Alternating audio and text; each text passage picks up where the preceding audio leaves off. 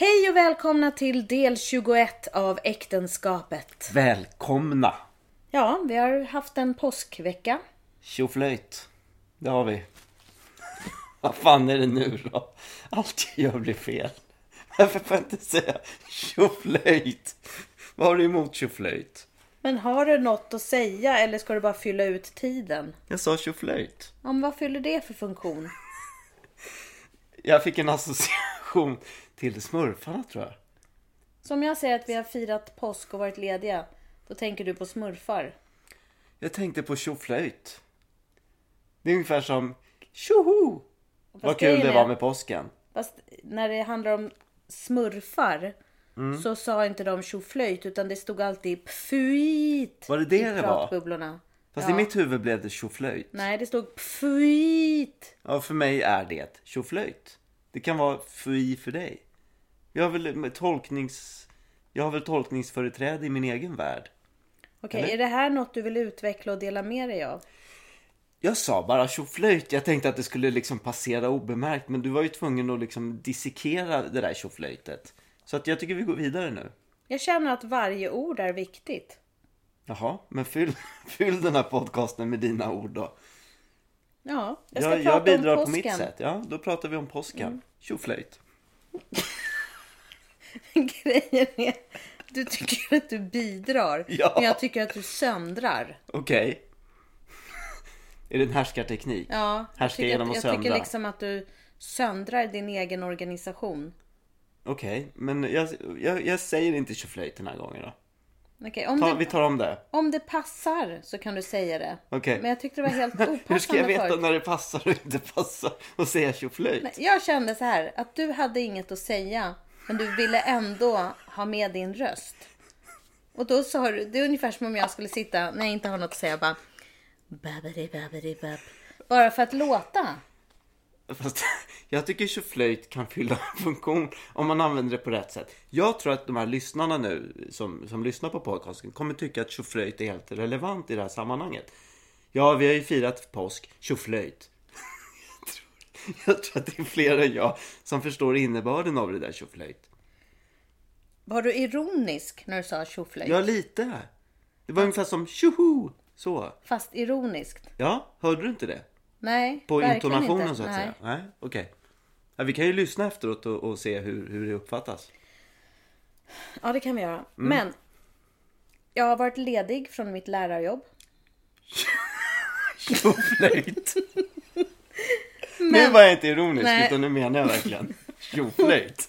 Och jag såg så otroligt mycket fram emot de här dagarna när jag skulle vara ledig. Och i mitt huvud så var det lugna, stilla promenader i ett härligt solsken. Men mina dagar har fyllts av besök hos tandläkaren. Jag har tagit körskolelektion på körskolan. Jag har fått massage, vilket i och för sig var trevligt. Eh, och vi har haft ett telefonmöte med Nordea för att försöka reda upp vår ekonomi. På två timmar. Ja, alltså Nordea-mötet. Ja. Ja, så jag känner mig helt dränerad. Och det jag har tänkt på vad det gäller mig själv är att jag tror att jag är en drömmedborgare i en diktatur. För att jag är så otroligt uthållig och tålig. Jag står liksom ut med vad som helst. Ja. På vilket sätt menar du? Nej men jag lider. Nej men till exempel när jag satt i tandläkarstolen. Ja. Till saken hör att två av våra barn och du hade varit hos samma tandläkare precis före mig. Så att jag kom liksom in och fick vara någon slags slasktratt för er andra. Medan hon liksom höll på i min mun så sa hon så här, ja, och din man behöver använda tandtråd och han ska också hålla på med munskölj. Det kan du också göra. Och jag vill ju inte höra om dina tänder när jag sitter hos tandläkaren. Nej. Men varför, varför liksom tog hon det med dig? Nej, det undrar jag med. För det tog hon ju med mig också. Var det som att nu, det här kommer inte han komma ihåg så jag säger det till frugan? Ja men det kände jag också. Vad fick jag för roll i det där med din, din tandhygien? Skitkonstigt. Ja. Men varför var du inne så länge undrade jag? Du var inne längst Nej, av alla. jag fick ju lyssna på allt det där som Jaha. ni andra skulle tänka på. Så din tandläkartid blev liksom även min tandläkartid? Lite grann. Det blev som liksom att jag fick... Ja, sen hade jag ju några små grejer. Jag hade inga hål, men jag hade några små grejer Sådär som skulle... Som till exempel. Nej, men är det här intressant? Ja, men om man tar hål, vad har man då? Sprickor eller Nej, jag hade... Ja, psykiska problem i tänderna? det var, vi behövde prata. Nej, men, Ja, då är det psykiska problem. ja, nej, men jag hade lite små grejer. Inga stora grejer, men ändå saker som tog lite tid. Okej. Men, och sen var det en väldigt virrig sköterska. Den här unga kvinnan som var tandläkare, hon verkade ju ändå ganska proffsig sådär. Ja. Sen var det en lite äldre, virrig tandsköterska. Som, alltså hon tryckte på mig en salivsug i barnstorlek. Och gjorde skitont på hakan för den klämde åt som fasen. Och så efter en stund sa tandläkaren, nej men herregud vad har du satt på henne? Hon måste ju ha en vuxenstorlek. Och, Alltså det var massa sådana grejer. Ehm, Vet du vad hon gjorde med mig då? nej. Hon, hon gjorde något fel på den där jävla sugen så att helt plötsligt först sög den och sen spottade den ut så att jag fick liksom mitt eget saliv i hela ansiktet.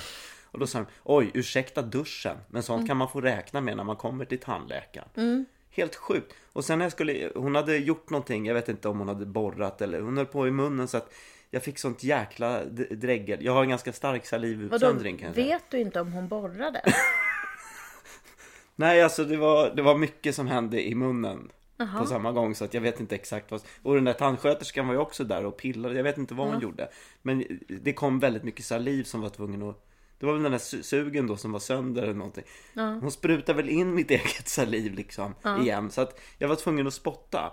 Ja, så skulle jag luta mig fram eh, och spotta ut i den där lilla koppen. Och så gjorde jag det, men det var, liksom, det var segt så att det ville aldrig släppa, det där spottet. Och då istället för att vänta tills jag liksom hade klämt av den här salivsträngen så tog hon och liksom skulle och skulle torka mig. Men det som hände var att hon tog upp allt saliv och liksom gned in i mitt ansikte. Så först hade jag fått en salivdusch i ansiktet. Sen fick jag liksom utsmetat en annan gång saliv. Och sen blev det översvämning på något jävla sätt i, den där, i det där lilla handfatet. Och hon bara oj vad händer nu? Och kunde liksom inte stoppa det. Hon var ju faktiskt helt hopplös den där tanten. Var, var det ditt sega slem som... Ja det kanske det var. Men hon var ju fel, på fel plats kan man säga. Verkligen. Och hon kunde inte fylla i heller på datorn det hon skulle fylla i. Nej. För att ehm, hon fick ju instruktioner av tandläkaren. Ja, så fyller du i B, bla bla bla. Nej, hoppsan, nu blev det fel. Så att det liksom allting tog jättelång tid. Ja.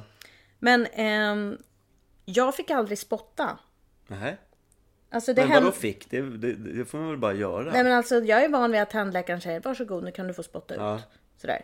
Ehm, men, men jag fick sitta liksom hur länge som helst och det var, jag hade några små flisor på tanden som skulle lagas med eh, plast. Ja. Så att jag fick liksom sitta och svälja tandflisor och plast och liksom allt. Jag liksom gick därifrån att liksom... Ja, ja. jag blev sur när jag hörde att du hade fått spotta. Ja men det var ju någonting jag bara gjorde. Jag fick ju panik där. Bad du inte om liksom lov? Nej jag sa nu spottar jag.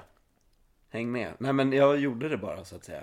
Okej, men det är det jag menar med att jag är en sån där drömmedborgare i en diktatur. Jag, jag bara finner mig. Jag sitter där och har massa fingrar i munnen och olika salivsugare i barnstorlek och så frågar hon, går det bra?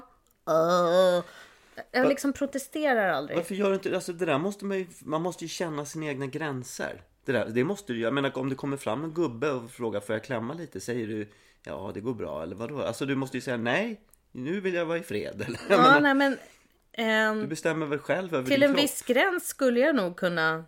Ja, men det, det är konstigt det där. Jag, jag har tänkt på det för att jag tror att jag ha- skulle visa civilkurage. Eller jag tror att jag har det. Om jag ser att någon annan utsätts för någon orättvisa eller något sånt där så brukar jag alltid säga till. Då är jag inte rädd. Då är jag liksom... Då säger jag verkligen ifrån. Men när det gäller mig själv så är det precis som att nej, nej men det här är nog inte så farligt. Det här ska man nog stå ut med. Mm. Eh, så att, och där önskar jag ganska ofta att fan, där borde jag ha reagerat. Jag borde ha blivit arg på en gång och bara lägg av. Det där accepterar jag inte. Eh, men som ganska nyligen, jag, jag var och körde stand-up på ett ställe. Och så stod jag liksom och gick igenom mitt material och det var en dörr öppen ut mot en jättefin uteveranda på det där stället. Och så kom han förbi, han som var producent för hela det här, kom förbi och bara Ah, tjena. Om jag inte visste att du var eh, gift så hade jag hånglat upp dig där ute på verandan. Och, och jag bara så här, jaha? Och så fortsätter jag titta ner i mitt material. Och efteråt känner jag så här att jag skulle ju bara så här Nej men vad säger du? Så skulle jag dragit ur hans pung och kört över med en ångvält och trampat honom i svalget. Alltså Ja, liksom. varför gjorde du inte det? Nej det är det som är mitt problem. Det är ju helt jävla sjukt faktiskt. Ja. Det är ju som när han den här killen när vi var på Lunds humorfestival liksom böjde sig och började massera dig när jag satt bredvid. På ett otroligt sexuellt sätt. Jag tyckte Och du inte sa att inte ifrån utan du, du lät den här slyngen hållas liksom. Det var för det första inte så sexuellt och för det andra så var det mitt under en föreställning. Jag vill inte ställa till en scen. Okej men om det är sexuellt, har det att göra med då hur, huruvida du njuter eller inte? För det han gjorde, det var en ren liksom Jag kände att det var en provokation mot mig nästan och att jag borde ha rest mig upp och sagt This is my woman eller liksom Ja, sånt. varför gjorde du inte det? Ja, det kan man fråga sig. Jag har svårt för det där. För att jag har någonstans det här att jag tror att staten ska ta hand om mig och att alla vill mig väl. Jag tror att tandläkaren vill mig väl. Jag tror att massören vill mig väl. Men det är ju därför jag också blir lurad ibland och går på konstiga grejer. Ja, nu, det här med Nordea-mötet, där gick du ju med på allting. Det var Ja. ju helt jävla galet. Jag blev, helt, jag blev faktiskt chockad för jag gick inte på, på någonting. Nej men jag gör alltid så. Jag säger alltid, för jag tänker alltid att de vill mig väl. Så jag säger alltid ja till allting för att jag också känner att nu börjar det här bli jobbigt för alla. Nu ska vi göra det här lite snabbare och smidigare. Och så måste jag gå in och rätta till det sen. När du har anmält dig till olika bokklubbar, olika partier och sånt där. Det brukar ju sluta med att det är jag som får ringa. Hörni, nu får ni fan ändra. Min fru har ju gått på en grej här. Ni blir, blir lura min fru. Nu får ni ändra det här. Ja, men inte när jag har gått med i någon bokklubb. Då är det väl inte du som ringer. Ja, men jag brukar få liksom ligga på där. Det var någon gång du gick med mig till Telia eller vad Ja, det jag var. gick med något telefonabonnemang som jag inte menade. Men Och då fick jag, det slutade med att jag fick ringa och, försöka, och nästan stämma dem. Kommer du ihåg det? stämma dem. Ja men jag, jag låg på där och var så här, hörni nu jävlar annars liksom. Det kommer gjorde hända jag grejer." med. Jag- Jag kommer ihåg att jag ringde och när jag äntligen kom fram så sa de så här. Jaha, du, vi har din man här på andra linjen. Just det, just det. Ja. Men du, det här med, det här med Nordea. För att eh, det var ju, vi hade alltså ett internetmöte där vi kunde dela på skärmen. Så vi kunde se allt han gjorde på vår skärm. Man var tvungen att ladda ner program och mobilt ID och hela tiden legitimeras. Det var ett jävla process som tog en enorm tid. Och det vi egentligen ville, det var att se över vårt eget privata sparande och sparande till barnen. Det slutade med att han tog all din pension och satte över på Nordea. Han tog hela din pension. Alltså hela din framtid tog han med ett litet musklick. Ett musnafs satte han in på, på sin egen bank och fick provision på det där säkert. Och jag fattar inte hur fan kan du gå med på det? Det är ju din att- framtid där. För att nu har jag blivit en förmånskund och han är min privata bankman som jag kan vända mig till. Och du litar på honom. Ja, det är det som är mitt problem. Jag är som... Jag är som en uthållig medborgare i en massa... I, i en Roy Andersson-film, i en massa grå nyanser. Där jag liksom står ut och kämpar och litar på bankmän och tandläkare och... Men inte på Och så dig säger själv. de så här, går det bra? Åh! Och sen så känner jag efteråt så här, fan det där gick inte så bra. Vet du vad du skulle ha sagt istället? Nej. Tjoflöjt.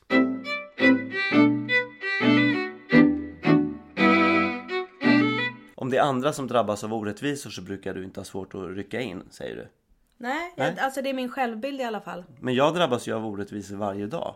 Och du Ja. verkar inte bry dig. Men just när det gäller dig så finns det ju en gräns för hur mycket man orkar. För att du för ju liksom ett kamp, en kamp varje dag mot så många. Du har så många fronter liksom. Ja men det, det, jag kan ändå bli behandlad orättvist. Bara för att jag Ja. för en kamp så betyder inte det att, liksom, att, jag, att jag är rättvist behandlad. Nej, men jag, jag tror ofta att du också har en upplevelse av att det är krig. Och att du måste utkämpa de här eh, slagen. Folk runt omkring ser nog inte riktigt att det är ett krig. Men en upplevelse är väl ändå sann för den som upplever den. Jo, men det är svårt för alla andra att uppbåda samma intresse då och samma kränkthet. Men när är det du vill att jag ska kliva in och försvara dig? Ja men ibland mot barnen kanske till exempel när de liksom gruppmobbar mig och sånt där. Fast då har de ju rätt.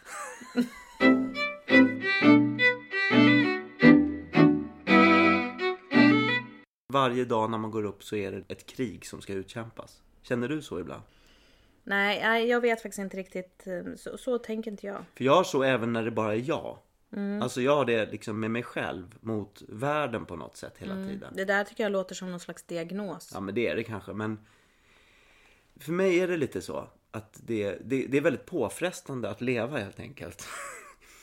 Bara att gå in i sin egen garderob på morgonen är liksom Åh herregud, hur ska jag orka? Hur ska jag klara av det här? Och det är ändå du som har sett till att garderoben ser ut som den gör. Absolut, nej men jag har, jag har mig själv helt att skylla alltså.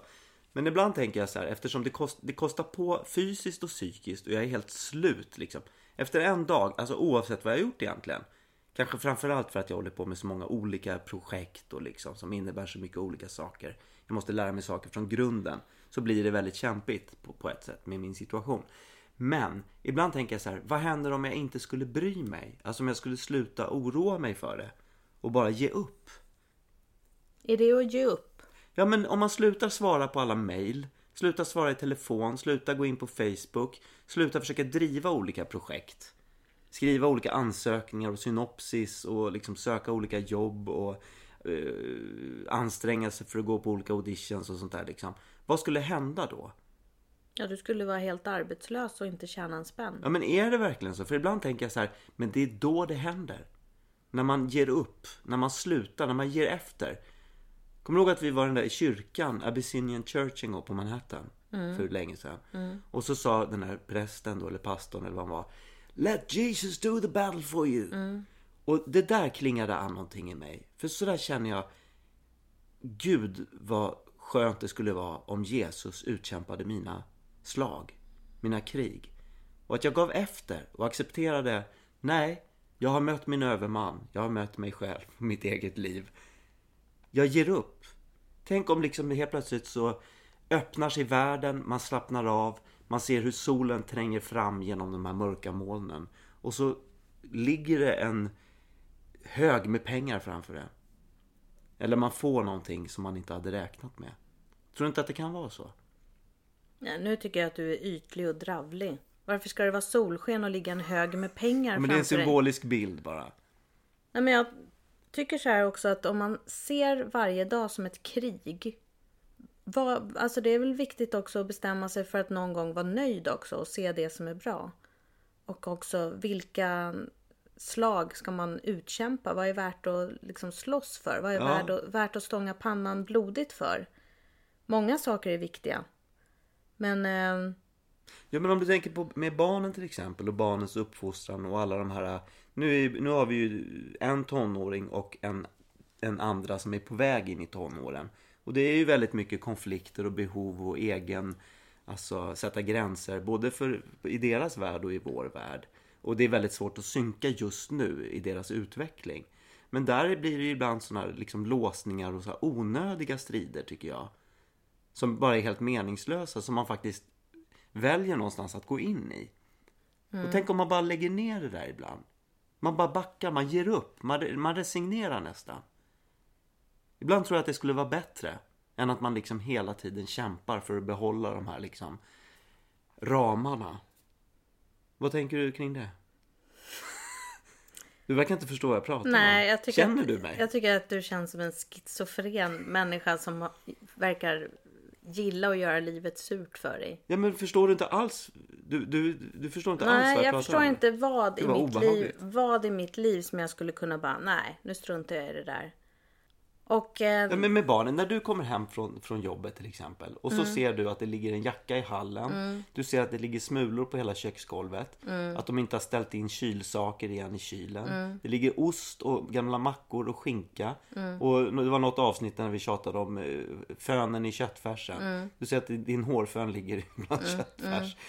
Tänk om du då istället för att eh, Istället för att gå upp i falsett med rösten, axlarna åker upp till öronen, du börjar andas på ett jävligt ansträngt sätt och skriker och hela din kväll blir förstörd och du nästan vill gråta. Tänk om du istället bara Åh, släpper det. Och gör vad då? Trampar på jackan? Nej, går in och lägger dig istället. Istället för att liksom komma in med på- påsar med mat och ställa dig och börja laga mat eller vad du nu gör. Bara skiter i det. Och tänker de får fixa sin egen mat, jag skiter i det här. Fuck off världen. Skulle inte det vara bra? Alltså jag tycker det är en sak att prata om sina egna krig och slag som man ska utkämpa. Så tycker jag det är en annan sak när det gäller barnen. För där tycker jag att om inte jag påpekar att man ska hänga upp sin jacka och att man ska ta bort smulor efter sig. kommer ju de aldrig lära sig det. Nej. Och då kommer jag ändå komma ut till det där skitiga köket sen. Och allt kommer att ha blivit ännu värre för alla kommer vara hungriga och trötta och... Fast de tycker ju inte, alltså för dem är det ju inget problem. Till exempel, de ser ju inte dina, samma sak som du ser. De ser ju inte ditt problem. Att det är smulor i köket ser inte de som ett problem. De tänker ju inte på det. Utan det blir ju ditt problem. Fast egentligen är det ju inte ditt problem. Det borde inte vara ditt problem. Förstår du vad jag menar? Mm. Alltså man har ju så många problem själv med jobb och relationer och liksom vuxensaker och sin egen familj. Och, alltså man har ju så mycket själv som man behöver sköta. Som kan vara problem. Man kan ju inte ta hand om liksom deras problem som de orsakar. Hela tiden. Fast upp till en viss ålder så måste man nog det. Du tänker så? Jo men det är klart man måste. men det tycker- finns ju grän- Jag menar bara att det finns gränser. Jag tänker bara så att om man, om man har jättemycket själv som man måste ta ansvar för. Och sen så har man liksom faktiskt nästan vuxna barn. Som man också måste ta ansvar för. Då tänker jag att det ansvaret kanske man helt enkelt måste släppa. Med risk för att det blir kaos, kris, konstigt. Man framstår som en idiot som inte bryr sig. Och allt det där liksom. Ibland tänker jag bara, man får skita i det. Och jag vet att jag gör så ibland och då blir du jättearg på mig. Men jag tänker att jag måste göra det för min egen, annars blir jag galen alltså. Men då är det väl bättre att säga så här. Nu kommer det inte bli någon mat förrän ni har plockat undan här. Nej. Istället för att Men man det går och jag. lägger sig. Ja men det brukar jag säga innan jag går och lägger mig. Nu skiter jag i det här säger. Men jag tycker att du ganska ofta just bara går och lägger dig. Ja men det finns alltid orsaker. Alltså när du, när, ibland när du är på stand-up och så kommer du hem sent på kvällen och så tänker du att jag ska möta dig med en arm, med liksom två trygga armar och att barnen ligger och sover och att det är renstädat hemma. Då fattar inte du att vi har haft ett krig här hemma. Och, och att jag då faktiskt har, jag, jag har resignerat. Och det slutar med att jag har gått och lagt mig. Men ser du inte det som ett misslyckande? Nej, jag ser det som en nödvändig, ett nödvändigt ont. Jag fattar, inte att ni, jag fattar inte att ni hamnar där. Men du, hamnar du aldrig där? Nej, när du, Aldrig. kom- när du kommer hem och du har varit borta på turné eller du har varit borta på eh, spelat sen kväll eller sådär. Det är alltid bortplockat på diskbänken. Disken är klar, tvätten är klar, barnen ligger i sina sängar och sover. Och du kan vara på ett uruselt humör. Ja, jag kan vara trött och arg, absolut. Men det är det jag menar. Då har, kanske- då har du tagit på dig allt. Då har du tagit på dig alla konflikter och löst allting. Fixat och sopat, sopat undan. Och så har du själv nästan gått under på kuppen. Det är det jag menar. Om du hade skitit i det så hade vi fått dela på det när jag kom hem. Liksom, då hade man fått möta kaoset tillsammans. Ja men det är väl inte schysst. För när jag kommer hem, om jag har kört stand-up och kommer hem kanske vid halv elva. Om disken fortfarande står kvar då, då har jag en arbetsdag som liksom fortsätter till midnatt.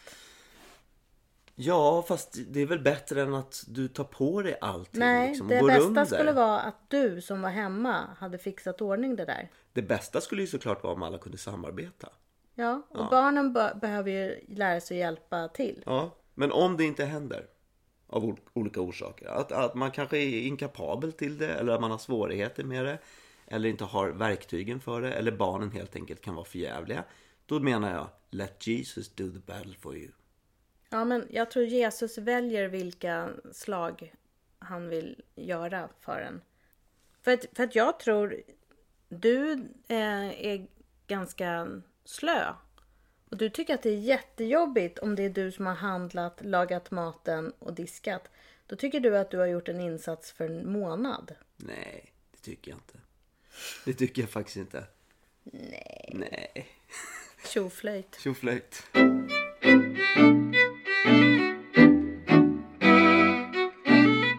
Du började prata om att när du går upp på morgonen så har du ett krig framför dig. Mm. Ja, vad ser du framför dig då? Vad är det för krig du har framför dig?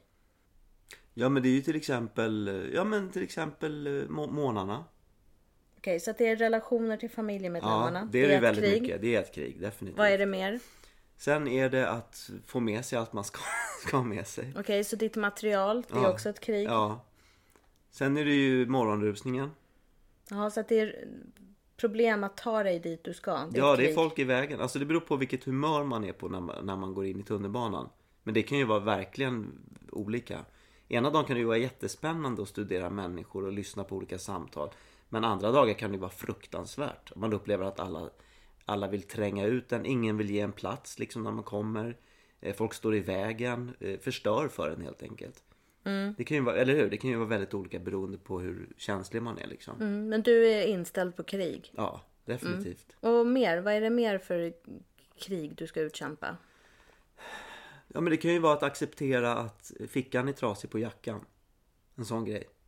Varför ska du acceptera det? Varför lagar du inte bara fickan? Jag har lagat den här jackan tio gånger. Jag vågar inte gå upp till den här gubben här på torget som syr längre. Jag skäms. För jag har ju lagt ut mer pengar än vad det skulle kosta att köpa en jacka för flera tusen. Liksom. Är det alltid samma ficka? Ja, det har blivit det. Vad är det du Nej, gör? det kan vara innefickan också.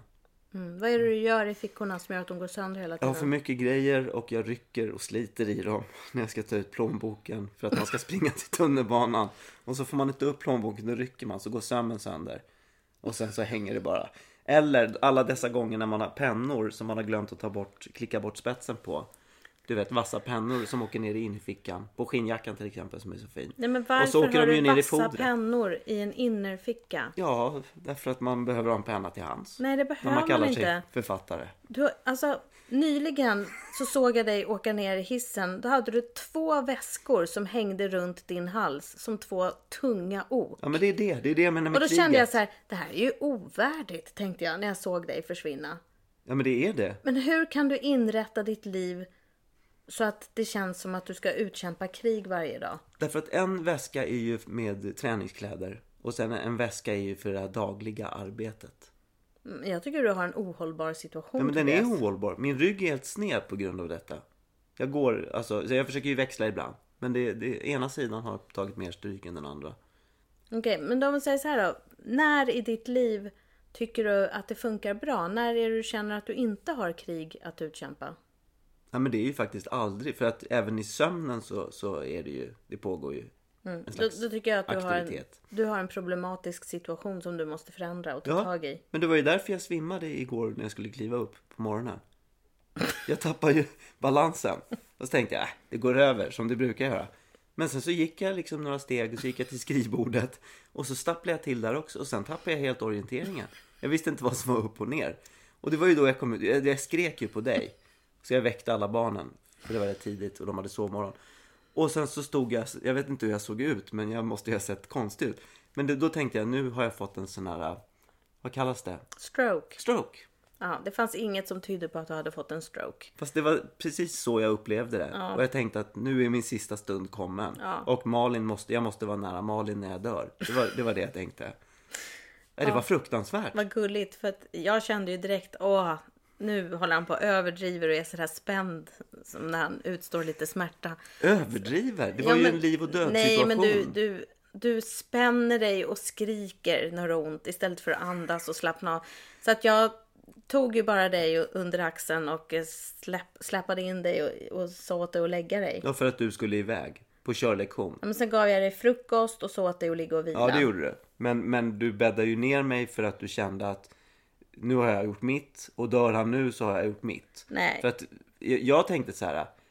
Alltså det är klart att jag vill att du ska gå på din körlektion och så. Men, men jag tänkte någonstans så här, vad konstigt att hon inte avbröt det här. För tänk om jag dör nu. Nej, men jag Då är du ute på ju... E4 liksom och tjoflöjt. Jag var helt säker på att du inte var dålig. Men hur kan du veta? Därför Jag, jag visade ju uppenbara tecken på Ja. livshotande skador. Nej, det, det där var tecken på en människa som är ständigt beredd på krig, aldrig slappnar av och aldrig tillåter sig själv att liksom eh, njuta och ha trevligt och sådär. Tänkte Mm. så här, det här är en spänd människa som är på gränsen till Till att rusa in i väggen. Ja. Så jag gick ju och bäddade ner dig. Tror du inte att jag hörde efter två sekunder hur du började knappa på din telefon när jag hade bäddat ner dig? Bara det Tobias. När man bäddar ner dig och säger nu måste du vila. Då tar Alltså- du upp din mobil. Det är precis det. Du håller på med din mobil oavbrutet. Men vet du vad, jag var så... Jag, jag var så Fan, jag, jag ska införa skärmtid för dig. jag var så stressad att jag skulle missa olika saker som jag var tvungen att... Det är det, jag har så mycket saker att hålla reda på i huvudet som jag är rädd att glömma hela tiden. Men du missar ju livet. Ja men det var ju rörmokaren som skulle... Ja, men du missar ju livet. Jag vet. Men det är, där, det är det jag menar att jag måste ge upp. Röris till exempel. Jag måste ge upp rörmokaren. Men att rörmokaren kommer, det händer en gång om året. För Jo, dig men- blir det liksom Ja men det är ju inte bara rörmokaren. Det var ju det här Nordea-mötet klockan ett idag. Idag. Ja. Och det var ju något kalas och de får, får ett sms. Kan ni hämta upp killarna där och där? Och det är träning klockan 17.15 istället för 18.15. Och det är kollo och det ska skjuts. Alltså det är så mycket grejer i huvudet. Och jag är så... Det har blivit min livsuppgift att hålla reda på. Jag känner mig som ett levande arkiv. Ja, men alla de där grejerna måste du ju fortsätta med. Att liksom skjutsa något barn och svara i telefon och sådär. Men det är ju allt annat du gör hela tiden. Du sitter ju hela tiden med din mobil eller din dator Ja, men det är ju de här grejerna. Det är ju tiderna. Nej, men det är ju inte Röris och Nordea. Det var jättemycket sånt där. Det var jättemycket tider som skulle hållas reda på och jag var så jävla rädd att glömma bort någon av tiderna. Så jag var tvungen att, just det Röris! Och så var jag tvungen att skriva ner exakt när han skulle komma. Men, men kära vän, det här har hållit på i 15 år. ja, det blir ju mer och mer att hålla reda på. Och jag måste säga att för varje år som går så har du höjt rösten lite mer. Så du skriker i telefonen. Och här Eh, hemma. Ja.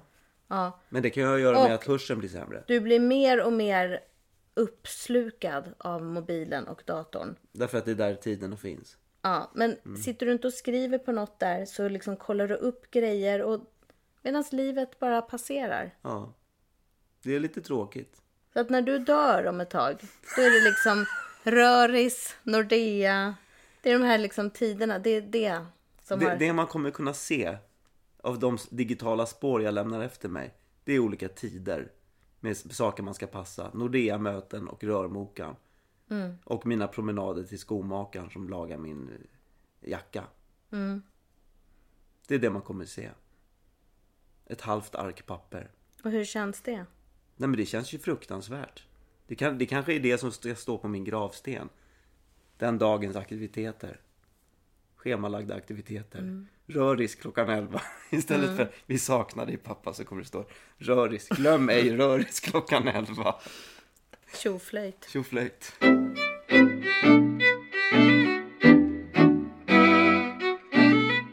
Men om vi skulle tänka oss nuläget då, det låter ju ganska kaotiskt. Om vi tänker oss ett slags Du, nu, drömläge. nu, nu vet jag vad du håller på med. Nu håller du på att coacha mig och jag går inte med på det. Jag är inte ditt coachobjekt. Jag är inte det. Men okej, vi kör. Nu försökte du sätta upp en gräns och sen kom du på att du faktiskt kunde ha nytta av det. Ja, det Ja. kändes lite spännande. Ja, jag tänkte bara att om du bara liksom har ett, ett drömläge, hur skulle du vilja ha det istället? Från att du kliver upp på morgonen och så, hur ser dina dagar ut? Gud. Alltså nu tänker vi inte att det är solsken och pengar jag är, i inte en miljo- hög. jag är inte miljonär och Nej. jag har inte obegränsade resurser och eh, jag har inte tillgång till eh, sex, drugs och rock'n'roll på det sättet. Okej, vi, vi tänker oss... Eh, jag tänker mig att jag vet vart jag ska och att jag kommer att klara det. Och att det känns bra. Och att jag är nöjd med det. Och att jag inte behöver kämpa för att få luft.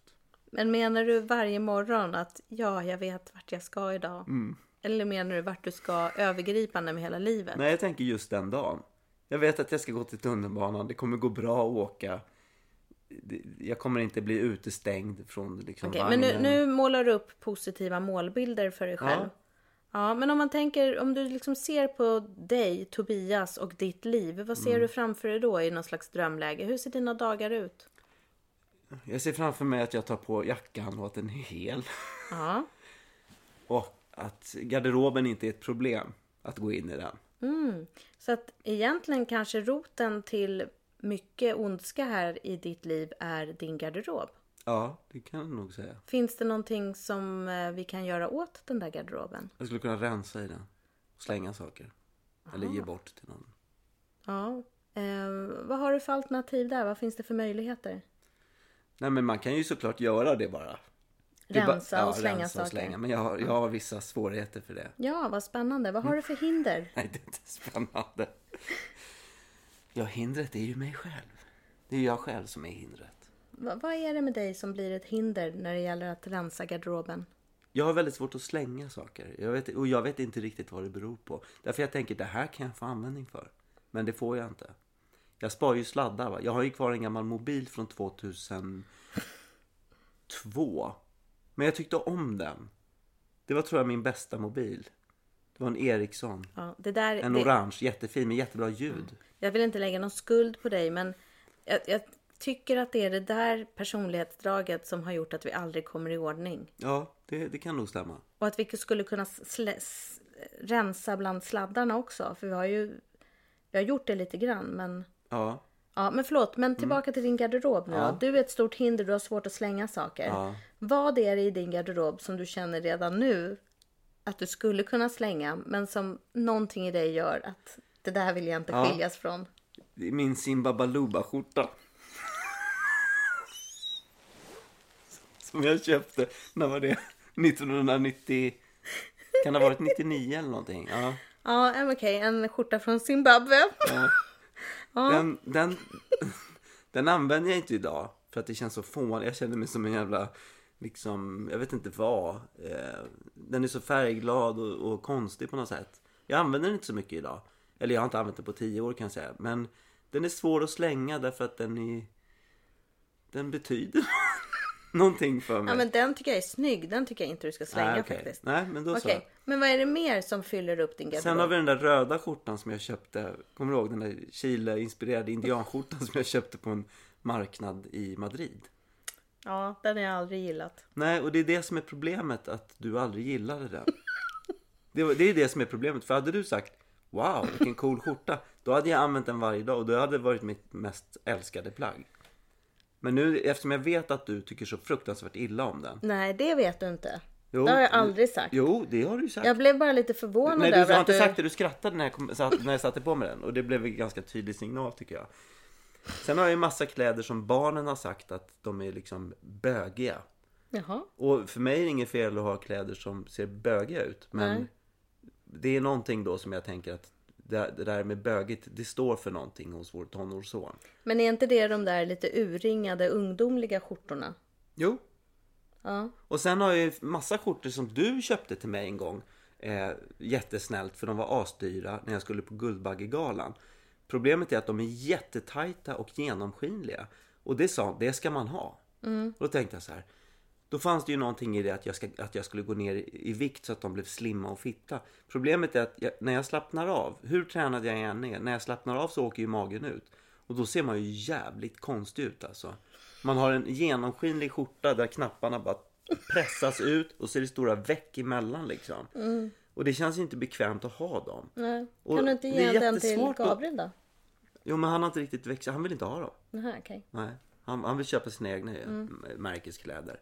Men det där är ju komplicerat därför att Någonstans så tänker jag, ja men, ja men det är det där klassiska, jag kommer gå i dem någon gång. Och så tänker man, det är bra att ha dem som en slags liksom sporre för att Men jag kan ju inte bli så där jävla smal. Jag är för fan snart 50, det går ju inte liksom. Nej. Så att jag vet inte hur jag ska göra med dem. Det är liksom ett jättedilemma.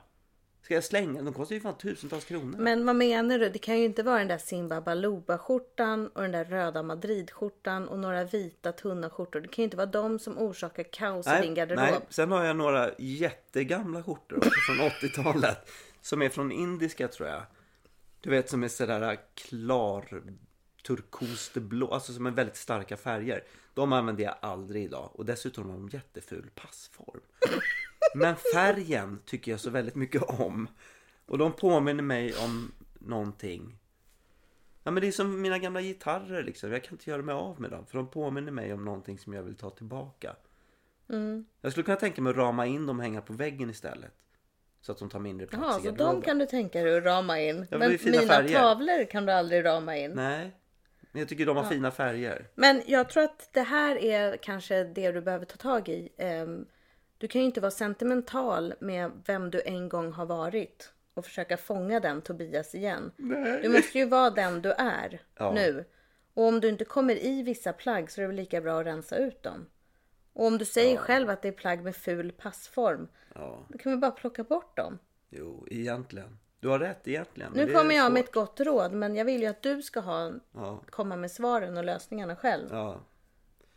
För om du känner att varje morgon är ett krig med din garderob så tänker jag att det finns grejer att göra där. Ja. Det gör det. Jag tror ditt problem är att du inte tycker att det är roligt. Vad? Att rensa i Nej, garderoben. det är klart. Nej, men det är ju för att det är psykiskt jobbigt liksom. Det är som att kapa en hand. Det gör ju ont. Det gör ju jätteont. Men kan ditt samlande på kläder du inte tycker om och inte passar och sladdar. Mm. Vad står det för Tobias? Nej, men jag vet inte. Jag har ingen aning. Jag kanske är rädd för det nya. Eh, fan, alltså det här är ju helt hopplöst. Det är väl bara för fan släng ut den här. Den här. Nej, men vad fan gör du? Släng ut de här jävla skjortorna. Vad? Så vem vill du ha? Vill du dra upp din röd ful jävla skjorta från Madrid? Släng bara!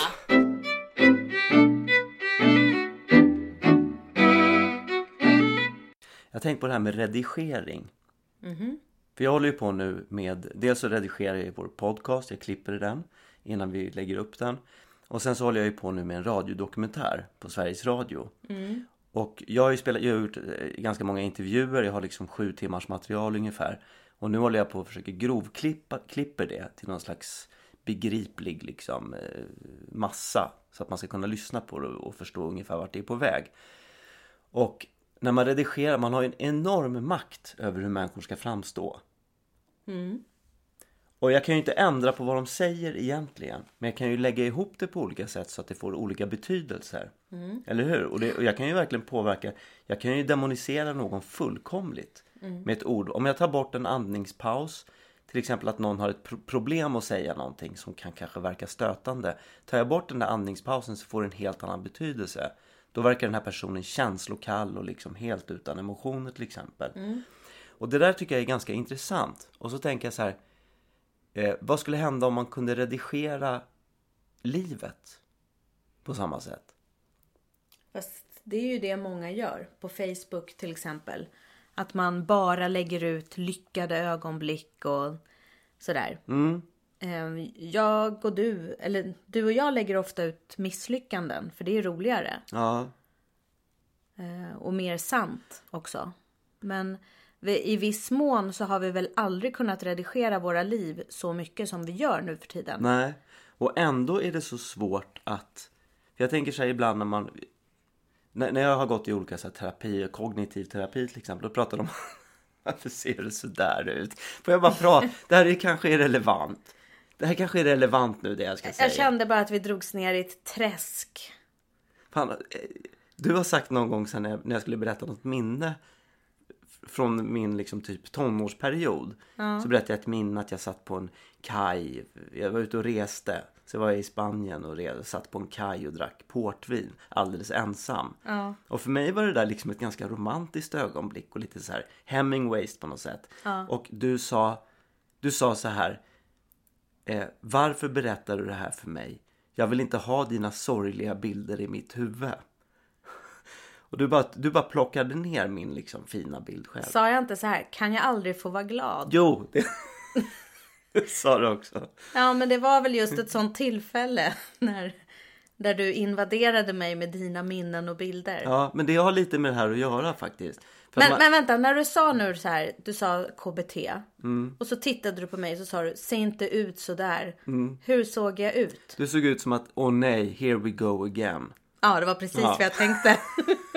ja, ja, men vad härligt. Så stämde det överens. Ja, eller hur? Du bra. är jättetydlig. Ja, nej men absolut, ta din plats. Får får jag berätta? Mm. Vad jag tänkte? Jo, Nej men absolut. Nej men jag är faktiskt jätteintresserad. ja, vad trevligt. Jag skiter faktiskt i om du är intresserad. Mm. kör. Jag tänker köra ändå. Jo, vad fan var det jag skulle säga? Jo, så här var det. jo, men man pratar om någonting som heter NAT. Och det betyder negativa automa- automatiska tankar. Och det är till exempel att om man är med om, om någonting, man får en reaktion från någon, då tänker man så här, jaha, nu reagerar den så därför att. Och så gör man upp en hel jävla historia i sitt huvud. Som gör att det, ja, men det blir negativt för en själv. För det tar aldrig slut liksom. Och det här är något man inbillar sig eller kan det finnas en sanning i det? Nej men det här finns absolut en sanning i. Eller ja, men- jag menar absolut, det kan du ju göra.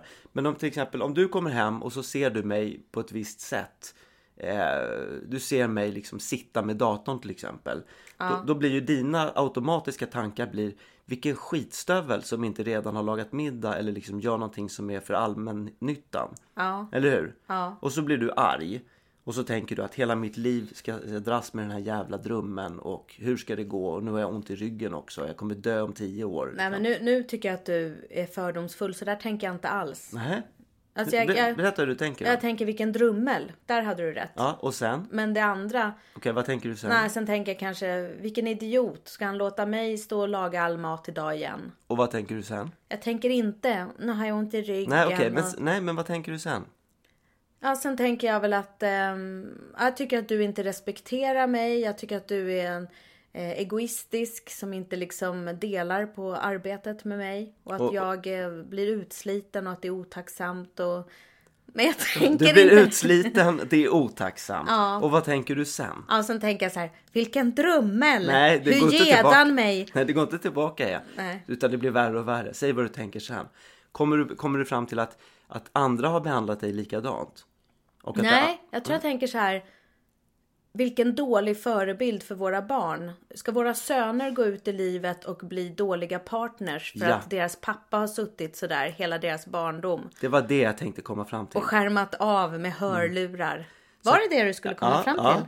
Så, att, så att, att jag sitter vid datorn. Första bilden när du kommer in och ser att jag sitter vid datorn blir att våra barn kommer bli dåliga människor och få dåliga relationer. Ja, ungefär så.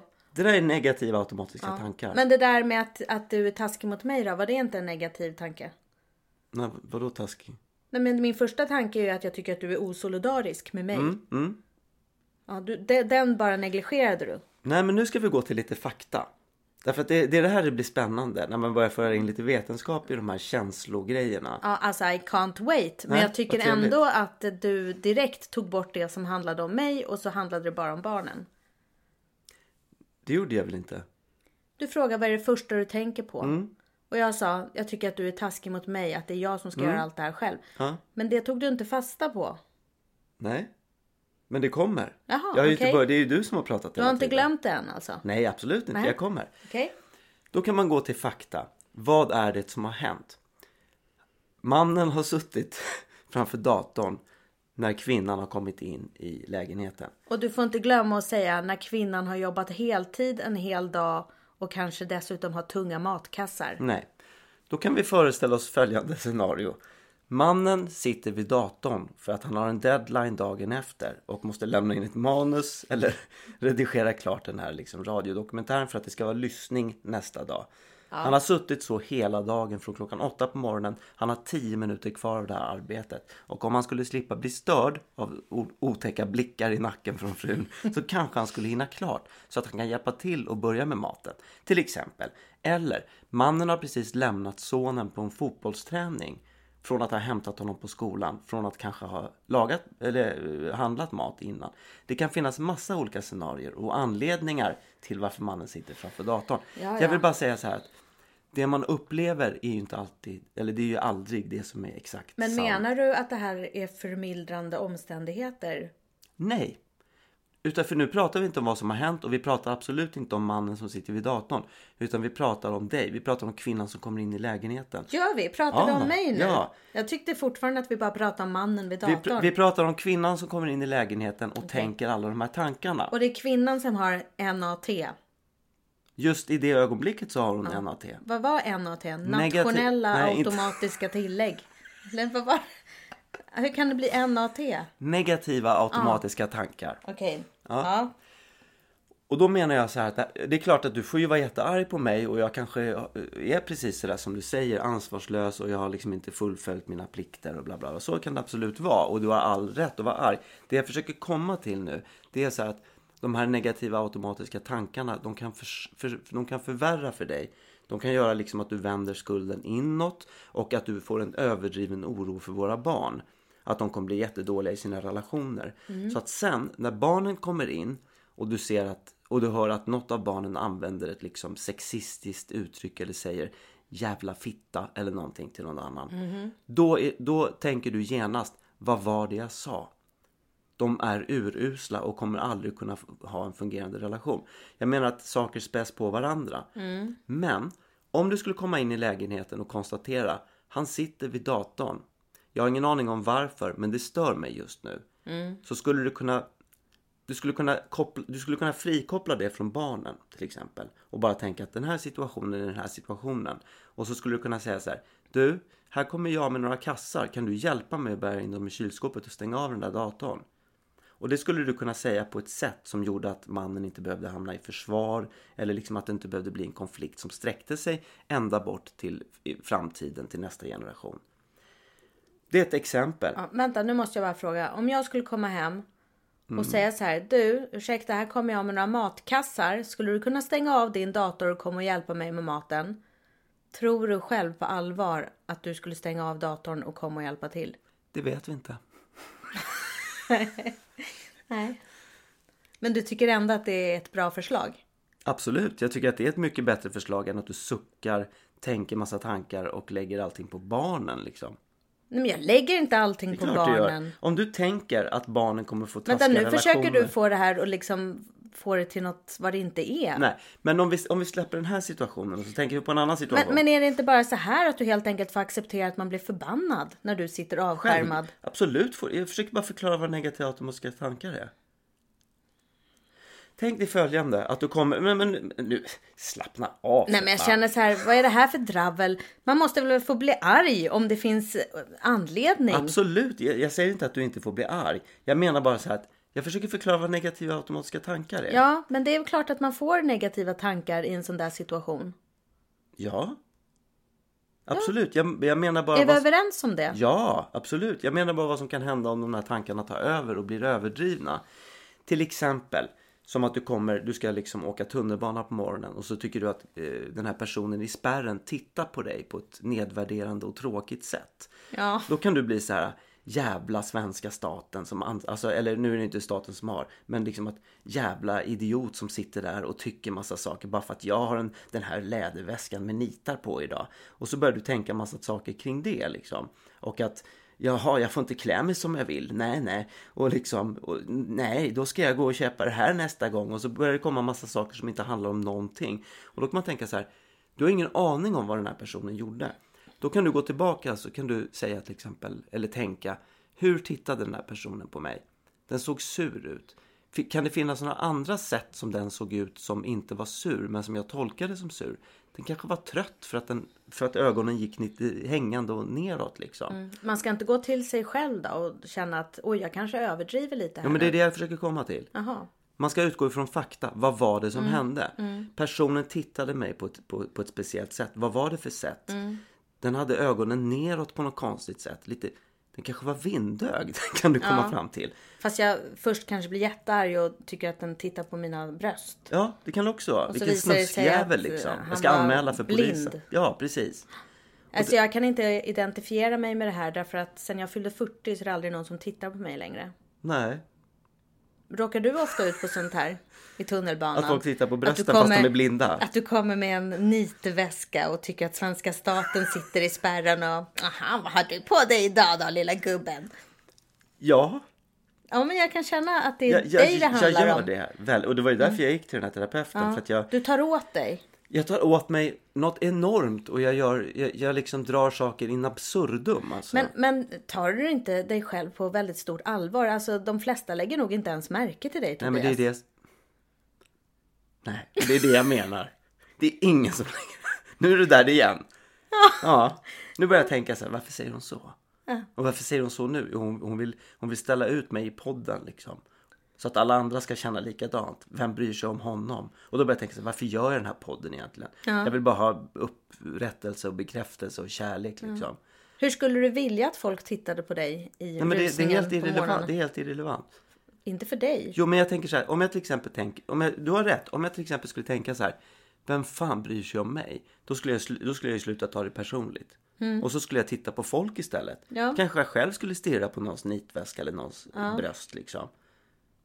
Och tycka fan vilka konstiga pattar. Nej men jag vet inte. Förstår du vad jag menar? Och, och känna dig nöjd. Ja, Eller bara, fan vilken skön nitväska jag har idag. Ja. Jag bryr mig inte Nej, om någon inte. tittar Nej. eller om någon inte ser. nej.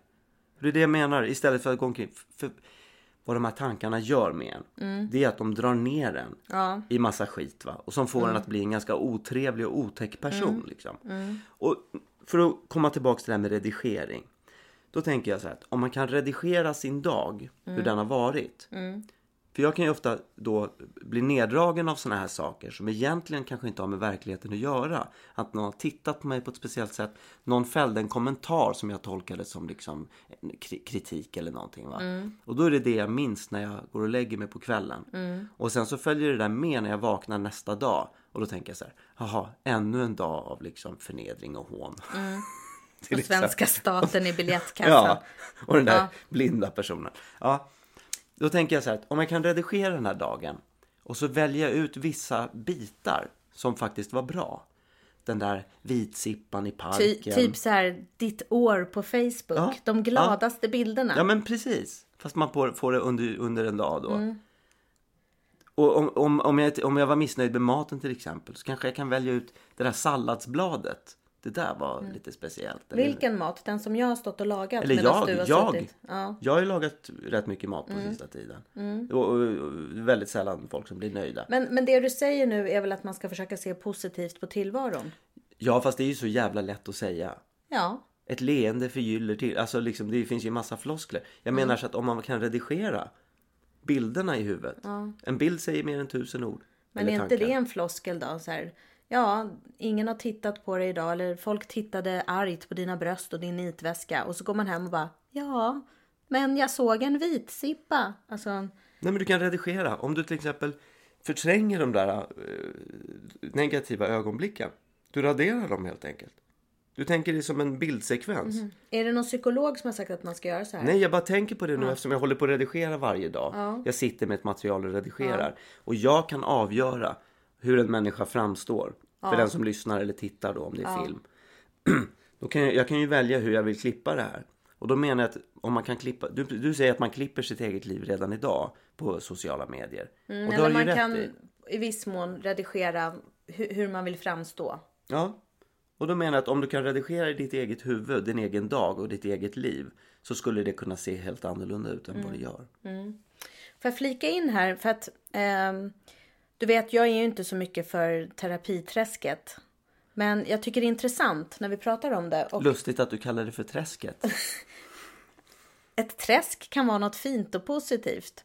Men eh, jag... ehm, Fuktig ängsmark.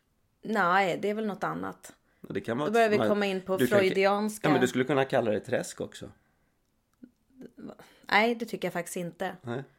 Jag har aldrig hört någon kalla en fitta för ett träsk. Nej, men jag menar, Nej. fuktig ängsmark kan ju vara ja. ett träsk. Nej, men nu kommer du in på Ja, helt nej, jag andra bara grejer. säger att det är en tolkning. Ja, jag, jag, jag lyssnar här på dig och dina terapikunskaper. Gör du verkligen det? kunskaper. Mm. Men då tänker jag så här.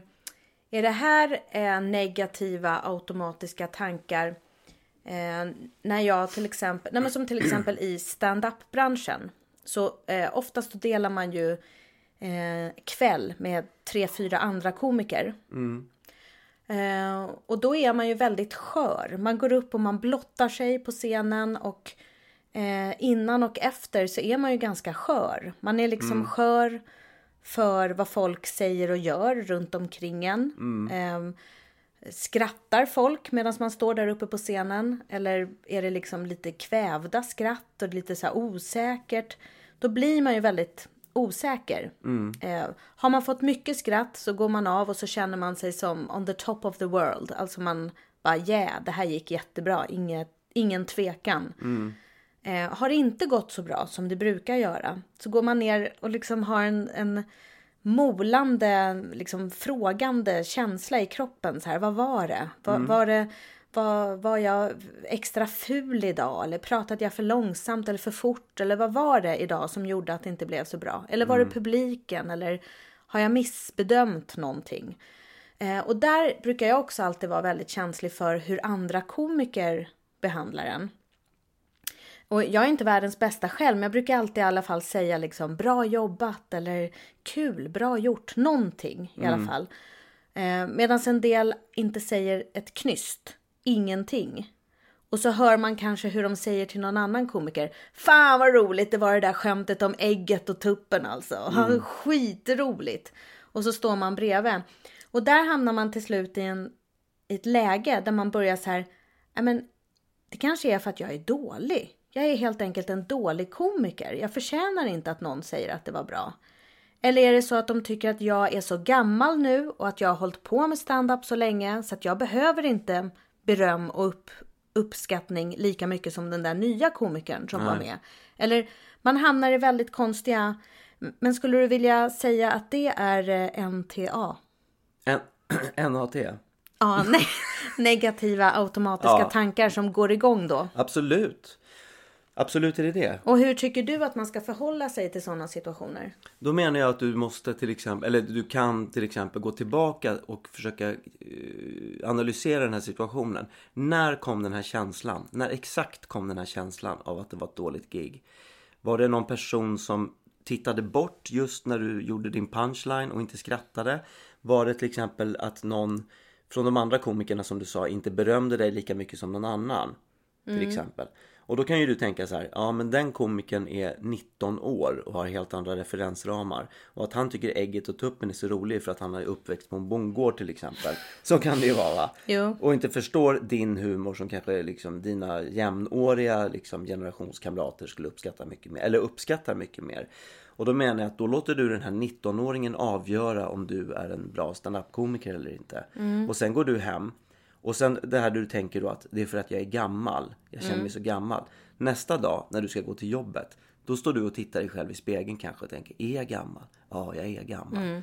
Så helt plötsligt har du förvandlats från en vital liksom, kvinna i dina bästa år som är världens bästa standup-komiker till en gammal kvinna som borde sluta med standup. Liksom. Ja, fan, då har jag NAT.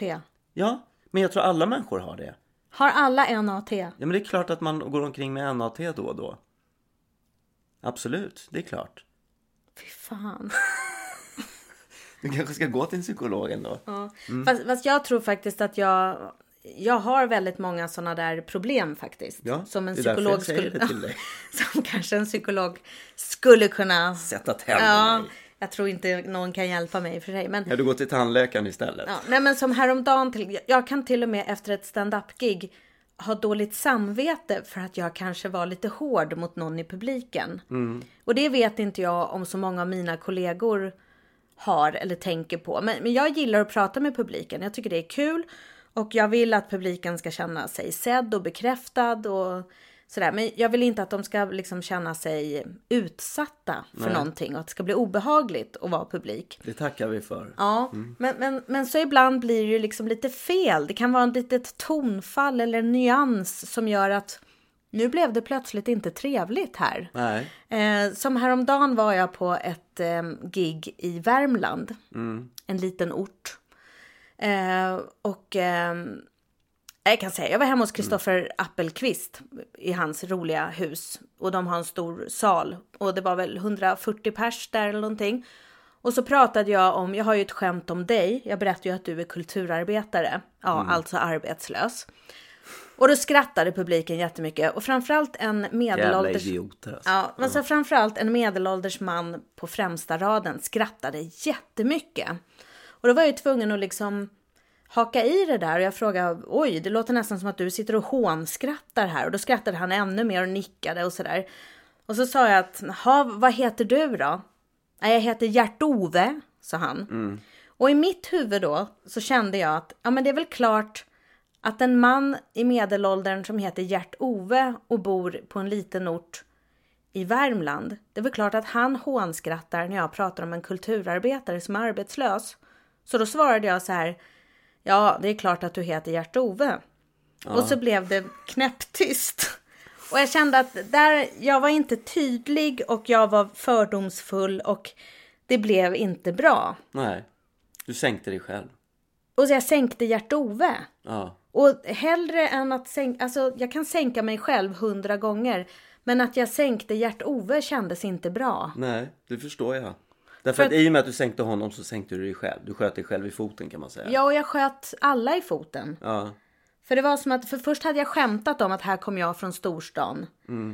Ehm, och så sänkte jag då Gert-Ove, så det vill jag be om förlåtelse för. Det var inte min mening. Men, eh, och tänk vad roligt det skulle vara om det faktiskt visade sig att Gert-Ove var en kulturarbetare. Och att det var därför han skrattade så mycket. Ja, men, i mitt, men i mitt huvud så var han en skogshuggare som tyckte att kultur var blaha blaha. Och att de skulle minsann lida. Ja.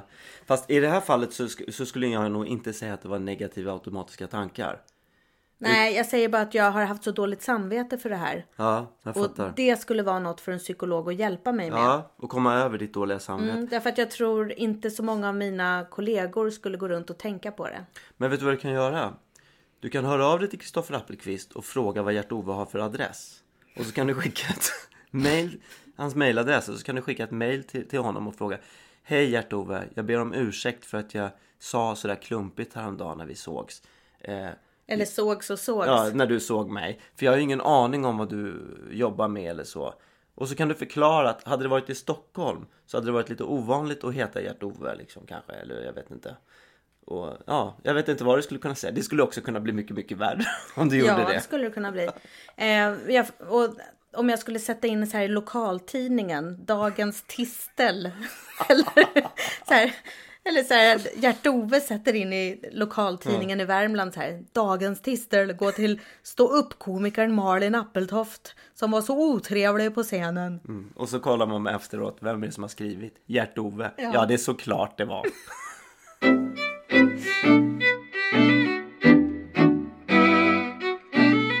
Du, Mm. du Malin. Det är Gert-Ove här. Vad är det Gert-Ove? Jo. Vad har du på hjärtat? Jo, det är så här. Nej, men jag, jag måste bara säga att jag tycker att det är, väldigt, det är en väldigt svår tid nu. Med våra barn.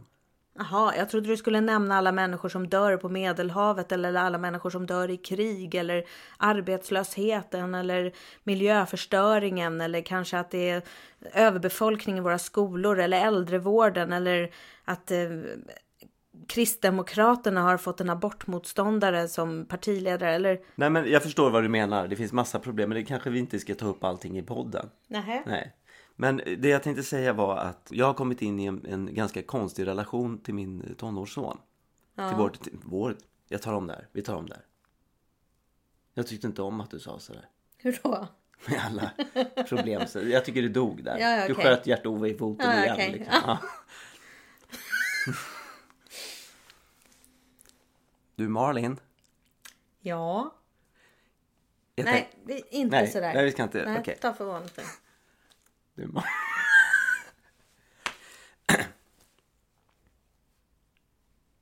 Jo, jag har ett litet problem. Malin. Nej. Sluta. Ja, okej. Ja, ja, jag har ett litet problem och det gäller min relation till vår son. Vår Jaha. äldsta son. Jaha. Ja, där jag inte riktigt vet. Jag, jag känner mig helt handfallen här som pappa. Va? Därför att eh, han har ju kommit in i en period när han dissar precis allt jag gör. Va? Ja. Han dissar min yrkesbana, han dissar att vi skaffade tre barn, han dissar hur jag ser ut, mina kläder, eh, min ekonomi. Liksom. Han, han dissar precis allting som har med mig att göra. Din matlagning också. Ja, min matlagning. Eh, och eh, han, han utmanar mig fysiskt varje dag. Han, han kan säga till exempel så här. Vad är det han säger? Nu är det bara så här lite som skiljer min knytnäve från din näsa och såna där grejer. Och Ja, jag, men han håller ju på, liksom, han tar ju hårda grepp på dig. ja, ja, han slår till mig alltså. Hårt. Hår, alltså chockartat hårt. Jag får ju blåmärken va. Nej, men han tar ju grepp och vill se om du kan bryta dig loss. Han tar grepp, han tar nackgrepp så att jag tänker att nu går nacken... Alltså jag kan ju få... Nej men jag har ju en kompis som skojbråkade med sin son som var i den åldern på det där sättet. Och den sonen tror jag inte är lika stark som, som eh, Nej. vår är. Eh, och han, har ju, han fick ju en whiplash-skada. Ja. Alltså han fick ju gå ner i arbetstid va. Jo. Han var sjukskriven i tror jag två månader. Han kan ju Ja. inte, inte jobba. Nej. Han vet inte om han någonsin blir densamma nej, igen. nej, det är hemskt. Och det Ja. var bara på grund av ett skojbråk med sin son. va. Så att jag är ju livrädd när han ger sig på mig sådär. Och försöker försvara mig. Och jag märker att jag börjar vifta då lite. Jag försöker vifta bort honom och så skrattar jag lite nervöst. Och då sjunker jag ju ännu mer i status. Ja, du blir ännu argare. Ja, så han håller på att demonis- han- han håller på att demonterar hjältebilden som han har haft av mig. Jag tror att när, jag menar, när man föds så har man ju en bild av sin farsa och storebröder och, så- och stora syskon som hjältar. Och sen så långsamt så dementeras den, demonteras den här bilden. Och blir till slut att man börjar förakta dem kanske en period. Så gjorde jag med mina föräldrar. Så börjar man förakta dem en period och sen börjar man inse att nej, men de är vanliga människor med fel och brister och sådär. Och sen så kanske man kan börja tycka om dem igen förhoppningsvis då. va. Men han är i ett läge nu där han testar mig var och varannan sekund och jag är liksom ständigt på alerten och beredd på att få ett tjuvnyp liksom. Så Ja. Mm. fort jag vänder ryggen till. Och det är ganska obehagligt. Eh, och nu har jag, för, jag har förstått någonstans att när han ger sig på mig, om jag inte ger tillbaka, om jag inte liksom bevisar att jag fortfarande är fysiskt överlägsen, Mm. då kommer han bli jätteknäckt tror jag. Om han ser att jag, om han, om han ser att jag, eller om han tror att jag är svagare än vad han är och att han, är, att han kan övervinna mig. Då lägger jag en, ett enormt ansvar på hans axlar för då blir han familjens överhuvud i den primitiva mansvärlden. Och det klarar inte han av för han är inte redo för det än för han är för ung för det. va Och Så att jag känner så här att jag måste jag, måste, jag kan inte låta mig besegras. Nej. Så när han ger sig på mig så försöker jag vifta bort lite fjolligt med händerna först. Då börjar han skratta och, eller blir arg, han blir aggressiv och ger sig på mig ännu mer. Och sen slutar det alltid med att jag måste liksom ta världens jävla grepp om honom och använda mina karatekunskaper och vrida ner honom på golvet. Och då när jag har gjort det ett tag och vi har liksom, så här ett tag. Efter ett tag så andas han ut och så ser jag att han har lugnat sig. Och så kan det gå några dagar igen till nästa, till nästa eh, liksom, eh, batalj. Och jag tycker det är jättesvårt att veta hur jag ska hantera det här. Vad, vad är ditt tips till mig då? Du som ser det här utifrån. Nej men jag håller ju på lite med samma sak också. Han, han håller ju på i fruktansvärt eh, aggressiv i, i sitt språkbruk också. Just det där man säger så här, ser du min knytnäve? Snart är den i ditt ansikte eller ja, han håller ju på sådär mot, mot alla i familjen. Ja. Och eh, säger håll käften när man vill prata. Och så går han och skrattar själv. För han tycker själv att han är väldigt rolig när han håller på sådär. Men alla andra blir ju knäckta. Ja för att han är, han är ju stor och stark. Jo. Hade han varit liten så hade man kanske tyckt att det var lite så här, ja ja han försöker hävda sig. Men nu är det ju faktiskt, det är ju en stor person som kan skada en liksom. Jo, men jag vet, alltså han blir ju jätteglad om jag lyckas ta ett grepp på honom. Jag gör ju det fortfarande ibland, att jag tar ett litet grepp runt hans finger som gör ont.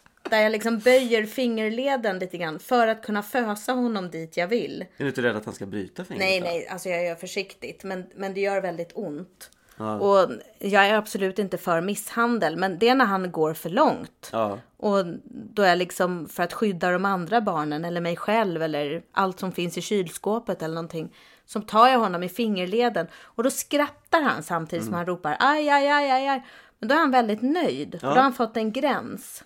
Så han behöver ju de där gränserna otroligt tydligt just nu. Men använder han, an, är det mindre våld i era liksom eh, bataljer? han tar är absolut inte nackgrepp och sånt på Nej. mig. Det gör han, han inte. Där har han ändå någon slags liksom, mammakänsla kanske. Att du är kvinna och så. Ja, och, och däremot så märker jag att han vill ta mig i försvar mot dig. Ja, det är irriterande När han är också. arg på dig Ja. så vill han ju liksom totalt göra ner dig. Och då säger han ju också, ska du inte behandla mamma bättre? Och borde inte du som man göra så här så att mamma fick vila? Alltså han, han har börjat liksom ta mitt parti så. Vad han tycker att din roll Ja, som familjefar är. Jag tycker att det är ganska trevlig, det är ganska trevlig egenskap skulle det kunna vara tycker jag. Mm. Att han tar dig, jag menar att han tar dig i försvar och han kanske har rätt också ibland om jag inte uppmärksammar dig på, på, på, på, med rätta liksom. Eller med, alltså med, med det du förtjänar så att säga. Den respekt du förtjänar. Men eh, häromdagen så när du var på, ja men när du var i Värmland var det, på giget där. Mm. Så kom det ett brev, ett, eh, en inbjudan till ett bröllop Mm. till oss. Från, från två av dina vänner då som gifte sig. Som jag inte vet vilka det är. Mm. Och då sa, och så läste jag upp namnen och, då, och så sa jag så här, men herregud vilka är det här liksom? Jag är bjuden på ett bröllop, jag vet inte vilka det är. Och då sa han så här, men herregud vet du inte vilka det är? Det är ju mammas närmaste vänner. Hon pratar om dem varje dag. Men du lyssnar ju tydligen inte som vanligt. Fy fan vad du är ignorant och nonchalant och du har ingen som helst respekt. Du känner inte ens din egen fru. Och jag kände, jag mådde så jävla dåligt. För jag tänkte men gud, han har säkert rätt. Jag lyssnar alldeles för dåligt. Jag är inte intresserad. Jag frågar aldrig om, om, om di- dig och ditt liv och ditt jobb och vilka du känner och inte så här. Vad fan är det jag har missat liksom? Sen visar det att du har aldrig pratat med mig om de här människorna. Överhuvudtaget. Så det fanns ju ingen chans för mig att veta vilka det är. Men sånt där håller han på med skitmycket Ja. liksom. Och lyckas på något sätt sänka mig också. Ja. Men det är Men- det här jag menar med gruppmobbingen. Mm. Att, att det blir som att ni gaddar ihop er då Ja. liksom. Fast även om han ljög så tycker jag att det ligger något i det faktiskt. Det tycker du säkert. Men, men, men jag tror faktiskt att man eh, ibland måste sätta sig på sina barn. Bara för att markera, jag är fortfarande större och starkare och jag bestämmer. Ja. Eh, våran dotter som är 12 år, när hon håller på för mycket också och bara nej det tänker jag inte och nej jag vill inte ha och usch. eh, då kan jag ibland ta ifrån hennes mobiltelefon och sen kan jag kittla henne och linda in henne i hennes täcke och liksom sådär och sen håller jag om henne. Du kväver henne lite alltså? Ja, och då, då skrattar hon samtidigt som hon ropar liksom sådär. Men då, då får man kontakt en stund. Så att eh, så länge det går så ska jag sitta på dem. Det är min bästa barnuppfostran faktiskt. Ja. Tjoflöjt. Tjoflöjt.